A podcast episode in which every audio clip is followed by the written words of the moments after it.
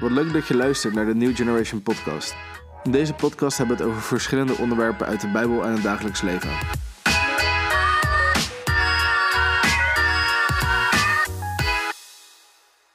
Welkom allemaal, leuk dat jullie er zijn en dat jullie eh, luisteren naar onze podcast. Super tof. Ik ben Jan Rico van de Koppel. Ik doe dit eh, samen met mijn eh, lieve vrouw. En is- Suzanne van de koppel. En eh, wij willen samen met jullie eh, bijbelse thema's gaan bespreken in deze podcast. Ehm, verschillende thema's met verschillende gasten. Eh, daarin willen we een stukje bijbels onderwijs met jullie delen. We willen een stukje over ons eigen leven, wat we daarin meemaken, wat de gast daarin meemaakt. En als het mogelijk is, daar wat praktische tips bij geven. Ehm, misschien nog wat meer informatie over onszelf. Wij zijn ehm, dus getrouwd, werken allebei in de zorg. Doen veel vrijwilligerswerk bij New Generation. En ehm, zijn vanuit daar begonnen dus met de podcast. En ehm, ja, we hopen jullie daarin eh, wat meer ehm, mee te kunnen nemen in de Bijbel. En daarin eh, onderwijs te geven. Dat was hem denk ik wel een beetje. Ja, nee, zeker. Klinkt goed. Ja. Dat, is, eh, dat is de bedoeling. Vanavond, vandaag, zijn we hier met, eh, met Tarik. Dus eh Tarik, welkom. Stel Hoi. jezelf even voor. Goed, eh, mijn naam is uh, Tarek Korvaar en eh, ik, ik woon in Schoonhoven. Eh, ik ben betrokken bij, eh, bij New Generation eh, al wat jaartjes. En eh, ja, ik weet niet wat je allemaal van me wil weten, maar eh, vertel. Ja, nou ja, dat is goed om te weten. Het is, het is voor ons een beetje gek om voor te stellen natuurlijk, omdat wij, eh, omdat wij elkaar al heel lang kennen en hele goede vrienden zijn. Ehm, maar het is goed voor de luisteraars natuurlijk om te weten wie je bent. Goed om te weten dat je betrokken bent bij New Generation.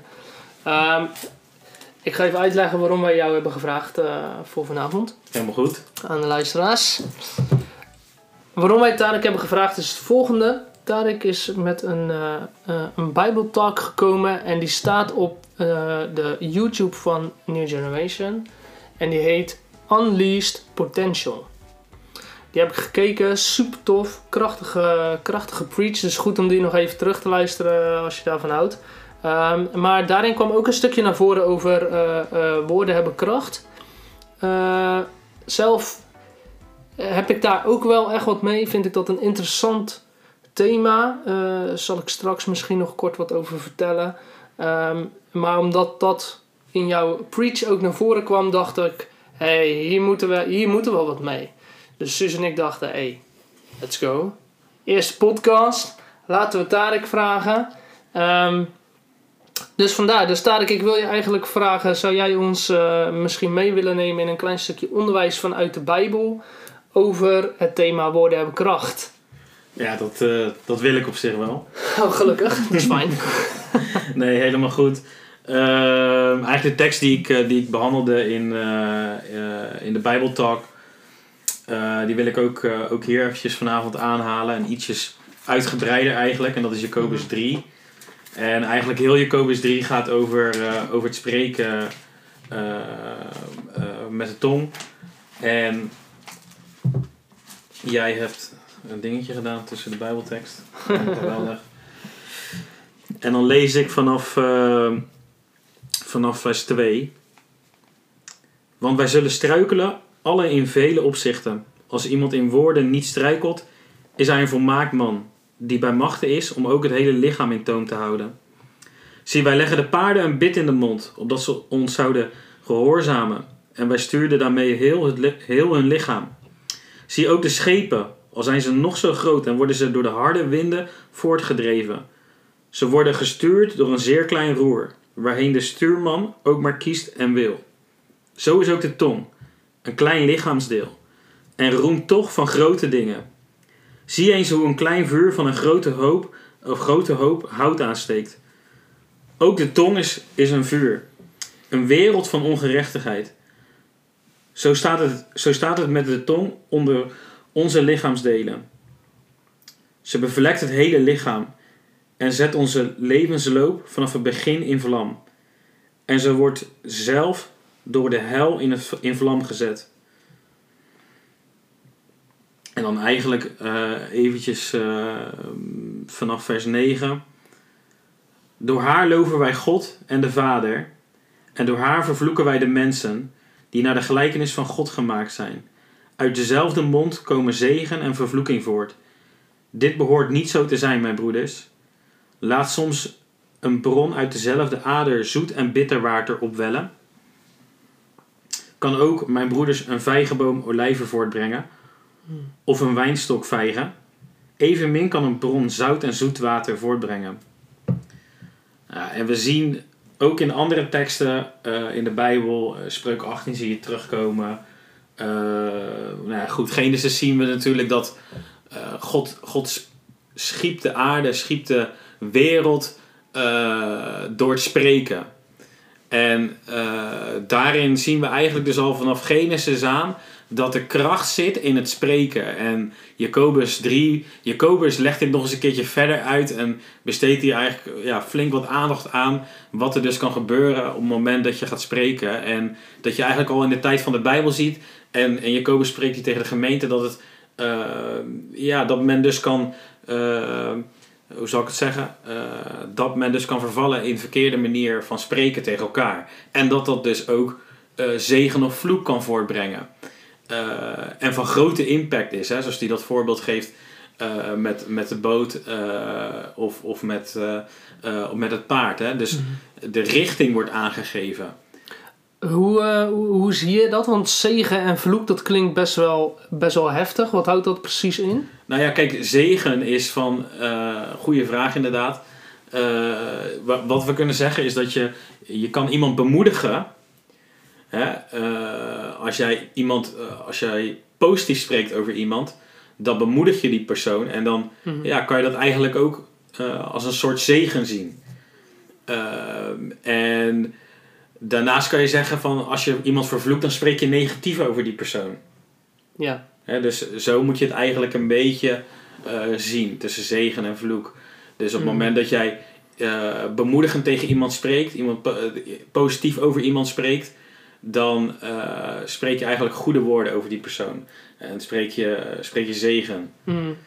Maar als ik dit, als ik dit stuk met jou samen lees en dat zie, dan denk ik, nou, hij gebruikt best wel heftige vergelijkingen. Ja. Is, het dan, is het dan zo belangrijk dat spreken? Ja, we zien, wat ik net al zeg met, um, met God, eigenlijk de mond. Dus we zijn gemaakt naar Gods evenbeeld. En we zien dat wat er allemaal tot stand komt door het spreken. Op het moment dat we, dat we genezen, dan, dan zien we vaak ook dat Jezus die spreekt en er is genezing. En uh, God schiep uh, alles door het spreken. Hmm. En uh, zo is het, zo is het hè, als we gaan bidden, dan spreken we ook. Voortdurend komt het door het spreken. op het moment dat, we, dat, we, dat Jezus wordt opgepakt, uh, en dan, dan zegt hij op een gegeven moment ook, voor mij is Marcus, wat was Marcus 18? Uh, uh, eens even kijken. Jij wist hem uit je hoofd? Johannes 18. Johannes 18, sorry, Johannes 18. en daar zien we ook hè, dat op het moment, ja, de, de, de, faris, of de farisees, de, de soldaten die vragen van joh, ben jij Jezus de Nazarener? Op het moment dat hij begint te spreken, en hij spreekt ook hier met impact, want hij gebruikt ook, en dan zien we ook dat zelfs namen hebben effect. En dan zegt, dan zegt hij ik ben. En vervolgens deinzen de, uh, uh, de soldaten uh, achteruit en vallen om. En nou, dit heeft ook te maken met eigenlijk de, de, op de manier hoe hij het zegt. En dat hij eigenlijk zijn majesteit toont. En dat hij laat zien, net als dat God zich openbaarde aan Mozes als ik ben de ik ben. De ik ben. Mm -hmm. Zo openbaart Jezus zich hier ook. Uh, zo kan deze tekst worden geïnterpreteerd. Ja, misschien, misschien is het wel mooi om die tekst even te lezen. Wil, misschien wil jij hem lezen, Suus. Vers uh, 5 en 6. Zij antwoordde hem, Jezus de Nazarener. Jezus zei tegen hen, ik ben het. En Judas, die hem verraadde, stond ook bij hen. Toen hij dan tegen hen zei, ik ben het, deinsden zij terug en vielen op de grond. Ja, inderdaad, dat is, ik vind dat echt uh, zelf ook een, uh, een bijzonder stuk, een mooi stuk. Soms zie je het ook in die films terug, weet je wel. Dat wordt nagebootst dat er opeens twintig man in één keer zo achterover valt. Ja, ja dat, is wel, dat is wel echt uh, uh, uh, krachtig, denk ik. En dat laat, zoals jij zegt, het laat inderdaad zien wat de kracht van woorden is. En tegelijkertijd misschien ook hoe Jezus natuurlijk is. Zegt natuurlijk ook veel over Jezus zelf. Ja, maar, de Bijbel praat ook natuurlijk over hoe, hoe wijzen, hè. dat zien we voortdurend ook in spreuken, spreuken terugkomen, is dat we heel wijs met onze woorden om moeten gaan. En dat we soms ehm, ja, veel meer zorgvuldig met onze woorden moeten omgaan. Kijk, want ook eh, als je dat voorbeeld, dan, dat, dat komt eigenlijk voort uit het spreken, komt zingen natuurlijk. En als je dan, eh, dan ook kijkt wat daarvoor impact in zit, Hmm. eh, ja, weet je, dan zien we echt wel dat het, dat het wat doet. Weet je, we hebben altijd te maken met een natuurlijke wereld en een geestelijke wereld. En eh, wat je, je, je spreekt wel in een natuurlijke, maar het heeft impact op het geestelijke. Weet je, ge- genezing is een uiterlijk vertoon, maar he- heeft ook een geestelijk effect. Snap je wat ik bedoel? Weet je, hetzelfde met, de, de, eh, met demonenbevrijding. Het, heeft een, het is een geestelijke uiting. Mhm. Je spreekt eh, ook in de geestelijke wereld. Ja, precies. Het gebeurt letterlijk, eh, maar ook geestelijk. Ja, het, ja. Het, heeft, Ja. het heeft op beide kanten heeft het effect. En daar moeten we ons voortdurend van, van bewust zijn. Kijk, God he- heeft ons gecreëerd en God is, is bovennatuurlijk. En we zijn wel gezet in een natuurlijke wereld, maar het is nog steeds bovennatuurlijk. Dus er is een bovennatuurlijke wereld waar we rekening mee moeten houden, wat ook realiteit is. Mhm. En hoe zie jij dat dan eh, door het dagelijks leven heen, zeg maar? Er wordt natuurlijk ontzettend veel gesproken. Eigenlijk doen we het de hele dag door. We praten continu met elkaar, maken grappen met elkaar. Ehm, we zijn continu in communicatie met elkaar, zeg maar. Wat is dan goed en wat is dan fout? En hoe kan je daar goed rekening mee houden? Want ik denk zelf dat ik over misschien 60, 70 procent van wat ik zeg niet direct nadenk van, oh, is dit heel goed wat ik zeg of niet? Ja, dat, dat is logisch. Ik denk dat bijna iedereen dat heeft. Dat je... eh, ja, ik denk dat het door de jaren heen ook wel, wel is gegroeid. Dat we steeds meer eh, praten om het praten. En dat we, dat, dat we eigenlijk soms nog amper doorhebben waarom we praten en waarom we iets zeggen. En dat het eigenlijk de stilte en het nadenken, dat we dat niet meer gewend zijn. Dat we daar het geduld ook niet meer voor hebben om te luisteren. Want een van de dingen die we ook Jezus zien doen is, hij luistert voortdurend. En ehm, ook op het moment dat we de, dat we de fariseërs eh, en de schriftgeleerden eh, tegen hem spreken. Hij luistert en hij, hij antwoordt soms niet eens direct. Niet eens direct op de vraag. Ja, op het Mm. moment dat hij wordt opgepakt en dan komt bij de koning, dan, dan, is het ook, dan vraagt de koning van, joh, ben jij de, eh, de, de, de koning der Joden? En dan zegt hij, eh, voor mij iets in de trant van, van eh, als u het zegt. Ja. Ik bedoel, de, de- hier zit, daarom, er zit zoveel wijsheid in woorden. Dat, dat, da- daar gaat ook dat stukje van, als je voor jezelf eh, Spreuken 18 eens leest, dan, dan zie je ook dat stukje wijsheid dat daarin is gekoppeld. Dus dat je, dat je heel veel wijsheid ook kan spreken juist. Maar daarvoor moet je ook luisteren. En ehm, ik denk dat we dat iets missen in de samenleving, dat we dat ook zo gegroeid is. Maar ik heb bijvoorbeeld een, een andere vriend van mij, eh, eh, met wie ik twee jaar heb samengewoond, Bart. Die, ik, ik noemde hem altijd voor de grap altijd Bart de, Bart omdat hij altijd best wel veel kennis had over de Bijbel. En nog steeds. Eh, maar ik, ik heb nachtenlang met hem eh, gesprekken en discussies gevoerd. En het grappige vond ik altijd, in het begin dan, eh, dan hebben we gewoon een gesprek en dan zei ik iets en dan was het stil. En dan dacht ik, nou, op een gegeven moment het is voorbij of zo. En dan kwam hij dan twee minuten, drie minuten later, dan ging hij pas praten. en dat was zo komisch. Maar ja, dat vind ik wel een kunst bij hem, is dat hij heel vaak ehm, wacht met spreken. En eigenlijk pas eerst gaat nadenken, gaat relativeren. En dan pas tot, tot, een, eh, tot een antwoord komt. En soms ook ja, niet tot een antwoord komt. Dat is ook net zeggen, we hoeven niet altijd te spreken. Eh, Henno die zegt ook wel eens, eh, eh, iemand anders die natuurlijk bij, bij New Generation betrokken is, Hendrik Jan, die, die zegt ook heel vaak, ja maar we moeten, moeten we overal onze mening over geven. Kijk, we, geven overal onze mening over. En dat is een vorm van spreken. Terwijl is het altijd goed, want we, we scheppen ook iets. Hè? We, we drukken ons uit met spreken. Hmm. En soms is het helemaal niet goed om ons uit te spreken over bepaalde dingen. Plus soms hebben we ook helemaal niet de, de, de kennis daarover opgedaan. Maar toch voelen we de nood om daarover te spreken. Dat is best apart. Ja, Ja, maar dat is toch de samenleving en de cultuur eigenlijk waar we in terechtkomen. En helemaal in de Nederlandse cultuur is dat zo ja, normaal geworden eh, om maar te spreken. Het wordt zelfs van je verwacht natuurlijk dat je eh, vaak een mening hebt. Dat je onder andere dat je gaat stemmen. Je moet overal iets van vinden. Ja, Dus het is, het is ergens misschien ook logisch. Maar dat zegt niet dat het per se bijbels is. nee, klopt. Nee, klopt. Dat, dat is juist, juist geformuleerd, ja.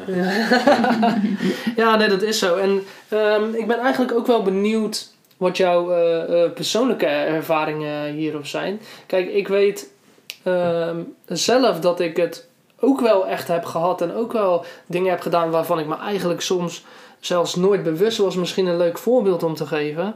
Eh daar moest ik aan denken nadat ik jou had gevraagd om hier te komen Mhm. vertellen over dit onderwerp. Is dat ik, eh, dus voor de luisteraars misschien goed om te weten, Tarek is donker en ik ben zelf blank. Eh, klinkt een beetje raar, maar dat is handig om te weten bij dit voorbeeld. Ik heb namelijk heel lang Tarek Koeli genoemd. Zonder dat ik zelf überhaupt wist eh, wat Koeli betekende. En als ik het goed zeg, betekent Koeli slaaf. Ja, klopt, ja. Totdat ik met Tarek in de stad liep en gewoon riep: Yo, Koeli, heb je dit al gezien? En Tarek mij erop wees van: Yo, luister dan. Dit kan je echt niet zeggen hier, hè? Dat is echt niet normaal. Dat ik zei: Huh, hoezo dan? Dat is toch gewoon jouw bijnaam? Nee, dat betekent slaaf. Ik, had dat ik wist dat helemaal niet. En ik denk dat ik echt al anderhalf jaar Tarek zo noemde. En dat is wel een voorbeeld Ja. dat ik denk van... Je gebruikt soms woorden gewoon omdat het standaard is... of omdat anderen het ook gebruiken... dat je denkt van, oh, dat is gewoon normaal. ja. Terwijl het eigenlijk helemaal niet normaal is... en het zelfs ook nog een, echt een impact op je kan hebben. Ja, klopt. Kijk, je spreekt iets over iemand uit. Hè? Net zo goed als dat we proberen eh, eh, woorden te verbreken bij iemand. Hè? Eh, als, als het gaat over, over, over pastoraal bidden en überhaupt bidden, laten we zeggen, dan spreken we ook bepaalde woorden in de geestelijke wereld eh, als, als tegenreactie. Maar dat betekent ook dat het andersom ook zo werkt. En dat is ook wat deze tekst zegt hè, van Jacobus 3. Is dat het, het, gaat twee kanten op. Maar hoe kunnen we dus aan de ene kant heel positief spreken en aan de andere kant ook heel negatief gaan spreken? Eh, en soms hebben we het ook niet door. Eh, maar ik denk ook wel heel vaak dat als we eventjes gaan nadenken. En natuurlijk, hè, want dit is een onderwerp. de Bijbel, daar begint Jacobus mee. Is dat, dat, dat, er, dat, het, dat er voor mij geen mensen zijn die niet struikelen in hun woorden.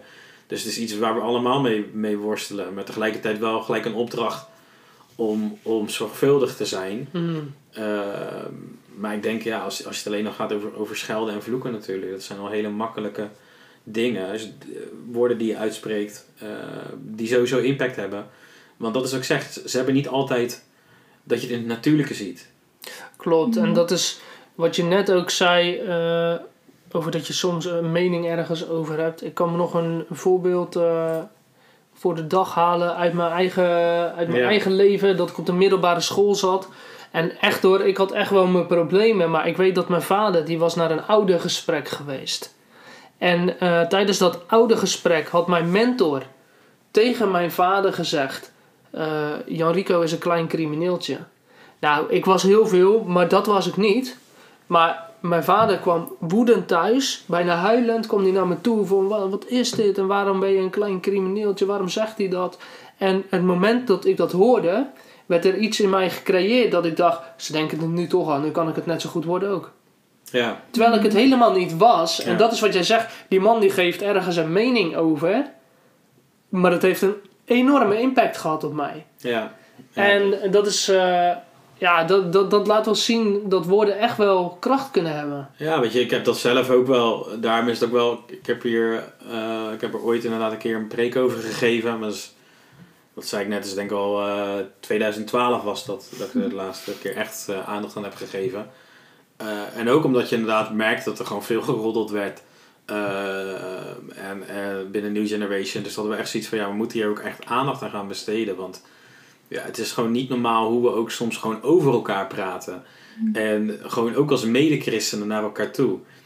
En zelf heb ik dat ook wel gewoon vanaf, ja, eigenlijk voordat ik al christen was, eh, was dat eigenlijk al zo. En wat ik ook aanhaal in die Bijbeltalk is van dat we als christenen, als mensen, als, als vrienden, heb je invloed eh, op het behalen van de potentie eh, die, die in iemand ligt. En wat bedoel ik daar nou mee te zeggen is dat eh, nou, hoe wij met iemand omgaan. Dus als wij zeggen van, van joh, eh, nou, dit kan jij niet aan. Eh, je hebt misschien de- deze droom, maar ik geloof nooit dat jij dit kan bereiken. Dat is helemaal niet reëel. Mhm.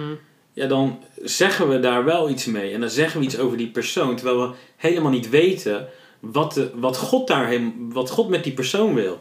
En wij gaan eigenlijk, wij gaan het bagatelliseren en we gaan daar negatief in spreken, terwijl eh, God een andere bedoeling heeft. En over mij werd altijd heel erg gezegd van Tarik, je moet iets met je handen gaan doen op kantoor. Dat is helemaal niks voor jou, in een pak lopen en dat, dat gaat je niet lukken. En er werd altijd heel erg ja, kleinerend tegen mij gesproken. eh, wat een enorme invloed op mij had. Want uiteindelijk heeft het impact op je zelfvertrouwen. Heeft het impact op je zelfbeeld. Eh, en, dat, en dat kan soms. Hè, dat familie ziet het vaak dat, dat het in, in het gezin gebeurt. Eh, als, jij, eh, als jij ouders hebt die bijvoorbeeld prestatiegericht zijn. En voortdurend daarin dingen uitspreken eh, over jou. Dan ga je je daarna gedragen. En je- en het, kan, het kan zoveel invloed op jou hebben, want het kan er ook ervoor zorgen dat je bijvoorbeeld maskers op gaat zetten. Hè, je gaat je ergens naar gedragen omdat iemand anders dat over jou uitspreekt en je gaat daar naar wandelen. Mhm. Snap je wat ik bedoel? Ja. Weet je, dus dat zijn allemaal dingen. En ik heb op een gegeven moment op de Bijbelschool moesten er echt heel veel dingen verbroken worden. Omdat ik zo gelimiteerd over mezelf dacht. Terwijl God veel meer dan dat wilde doen dan dat ik zelf besefte. En daardoor werd het geblokkeerd. Mhm. En mijn oproep daarom ook echt in die Bijbeltalk is dat we als christenen, als broeders en zusters van elkaar, daar echt anders in mogen zijn en moeten zijn dan de wereld. En juist eh, mensen eh, en medebroeders en zusters moeten stimuleren eh, om in hun plan te gaan wandelen. En juist dat als ze, ook al maken ze een fout, eh, stel je bent een keer dronken of wat dan ook, ga elkaar niet veroordelen, weet je. Want het, want het tuurlijk, en wat ik daar ook in die Bijbeltalk zeg, is van er zitten consequenties aan verbonden. En het is niet goed dat je het doet. Maar vervolgens mag je wel weer opstaan. Ik moet denken aan een dingetje wat wij zelf hebben meegemaakt. Jij weet misschien al welke gaat komen als het gaat over dronken zijn. Maar dat is dat wij, dat wij, eh, eh, dat wij, ja, wat heet het toen? De Babbels of the Seasons? Ik weet het niet eens. Babbels. Eh, en, en wij, er was de discotheek hier in Schoonhoven. Ja, we waren denk ik net een jaartje christen of zo.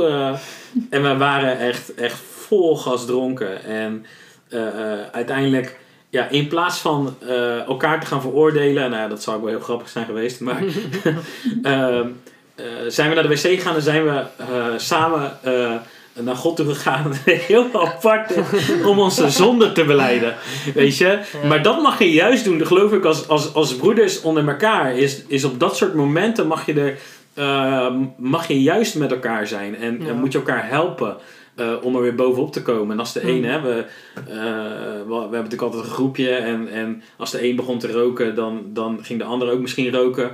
Eh, ik, ben, ik ben tegenwoordig aardig stabiel eh, in het niet roken.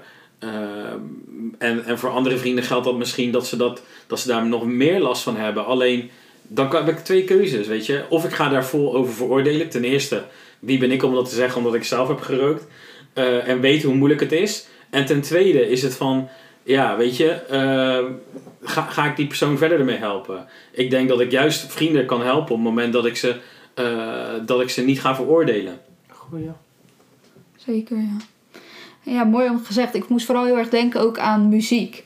Aan dat je natuurlijk heel vaak ook liederen zomaar meezingt. Nou ja, popmuziek, wat voor muziek dan ook. Maar ook aanbiddingsmuziek. Dat je heel vaak zomaar iets meezingt en zomaar liedjes misschien van vroeger kent. Maar dat je nooit echt daadwerkelijk nadenkt over Ja. de tekst die het heeft of wat het voor impact op je leven heeft. Ik had het heel erg met het nummer De Muziek Vervaagt. Nou, het is een christelijk nummer, dus nou ja, de zaak is niet zoveel mis mee. Maar het kwam nooit echt bij me binnen. Terwijl op een gegeven moment dacht ik van eigenlijk is het zo'n bizar nummer dat je weer teruggaat naar, naar je hart, waar God spreekt, waar je luistert naar wat God tegen je wil zeggen. En daarin ook wat Jericho heel vaak zegt. Als jij vijf keer per dag zegt: Ik heb hoofdpijn. Ja, dan heb je elke dag aan het einde van de dag hoofdpijn. Ja, Omdat ja, je zo- prophecy, Ja. ja. precies. Dat je continu wat jij zegt ehm, heeft impact op, nou ja, op wat er uitkomt, zeg maar. En wat het voor uitwerking heeft. Ehm, dus dat wilde ik daar nog even aan toevoegen. Maar misschien is het goed om voor de luisteraars nog een paar punten te geven. Wat praktische tips. Om hier ehm, ja, mee om te gaan en om hier verder over na te denken. Om echt daarvan bewust te zijn in de komende periode. Heb jij daar nog tips voor? Ehm, wat ik op een gegeven moment een periode eh, heb gedaan, en dat was wel grappig, want ehm, uiteindelijk gaat mensen dat ook opvallen. Maar ga eens gewoon inderdaad veel bewuster eh, om met, met dingen die mensen tegen je zeggen. Eh, dus ga eerst gewoon eens luisteren. Eh, Wat ik zeg, vaak hebben we, al, hebben we al ons antwoord klaar zonder we eigenlijk nog hebben geluisterd naar wat diegene echt daadwerkelijk zegt. Maar ik denk, er zit zoveel kracht in het luisteren dat we, ja, eh, eerst gewoon wel stil mogen worden. Als iemand iets spreekt tegen ons, dat we dan gewoon eerst eens gewoon onszelf gaan aanleren om goed te luisteren naar wat spreekt diegene nou. Hmm. Dus ik denk dat luisteren een hele goede is. Vervolgens, eh, wat ik zelf eh, ook een tijd ja, echt nadrukkelijk mee bezig ben geweest, eh, is het stukje je, niet je mening geven. Mhm. Ik heb dat echt een periode gedaan en dan vraag ik me, ja, uiteindelijk, wat vind jij er dan van? Wat vind jij van die persoon? Mhm. Ja, is, moet ik daar überhaupt wat van vinden? Weet je, is het aan mij om iets te vinden? Er is ook zo'n mooi spreekwoord over. Hè? Die komt ook als het goed is uit spreuken. Ik weet niet precies waar die staat. Spreken is zilver. Zwijgen is goud. Precies. Zo. Oh, jullie zijn getrouwd natuurlijk. We vullen elkaar aan. Ja, ja, ja. nee, ja. maar dit is wel... Ik denk dat dit hier heel passend is inderdaad. Eh, dus een goede, goede tip die je geeft. Je hoeft niet altijd iets te zeggen. Nee, klopt.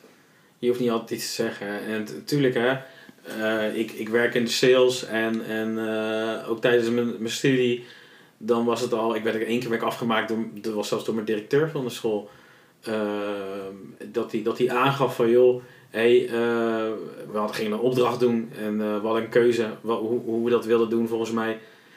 En dan ging iedereen af en ik zeg, nou ja, het maakt mij niet uit. Ja, hoezo maakt je niet uit?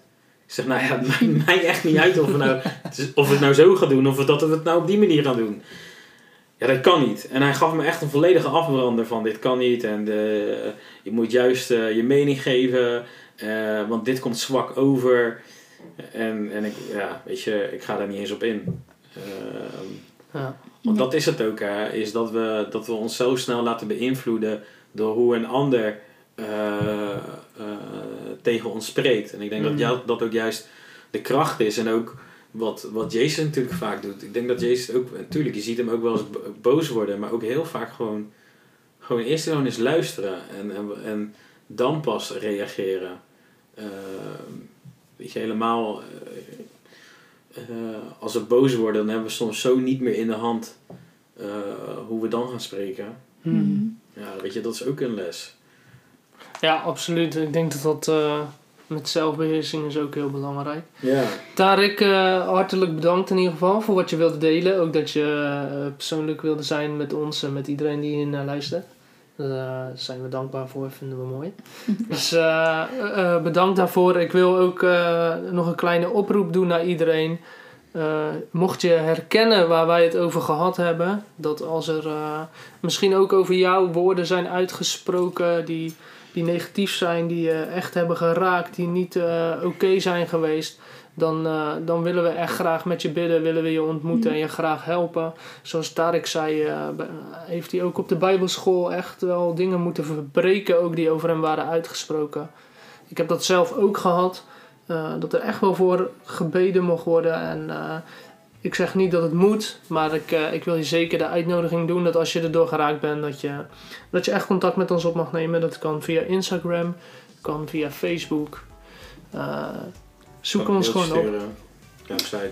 Ja. Mailtje sturen via de website. Zoek het op. Stichting New Generation. En eh, we willen je graag ontmoeten. Hartelijk dank. En hopelijk tot de volgende keer. Tot de volgende keer.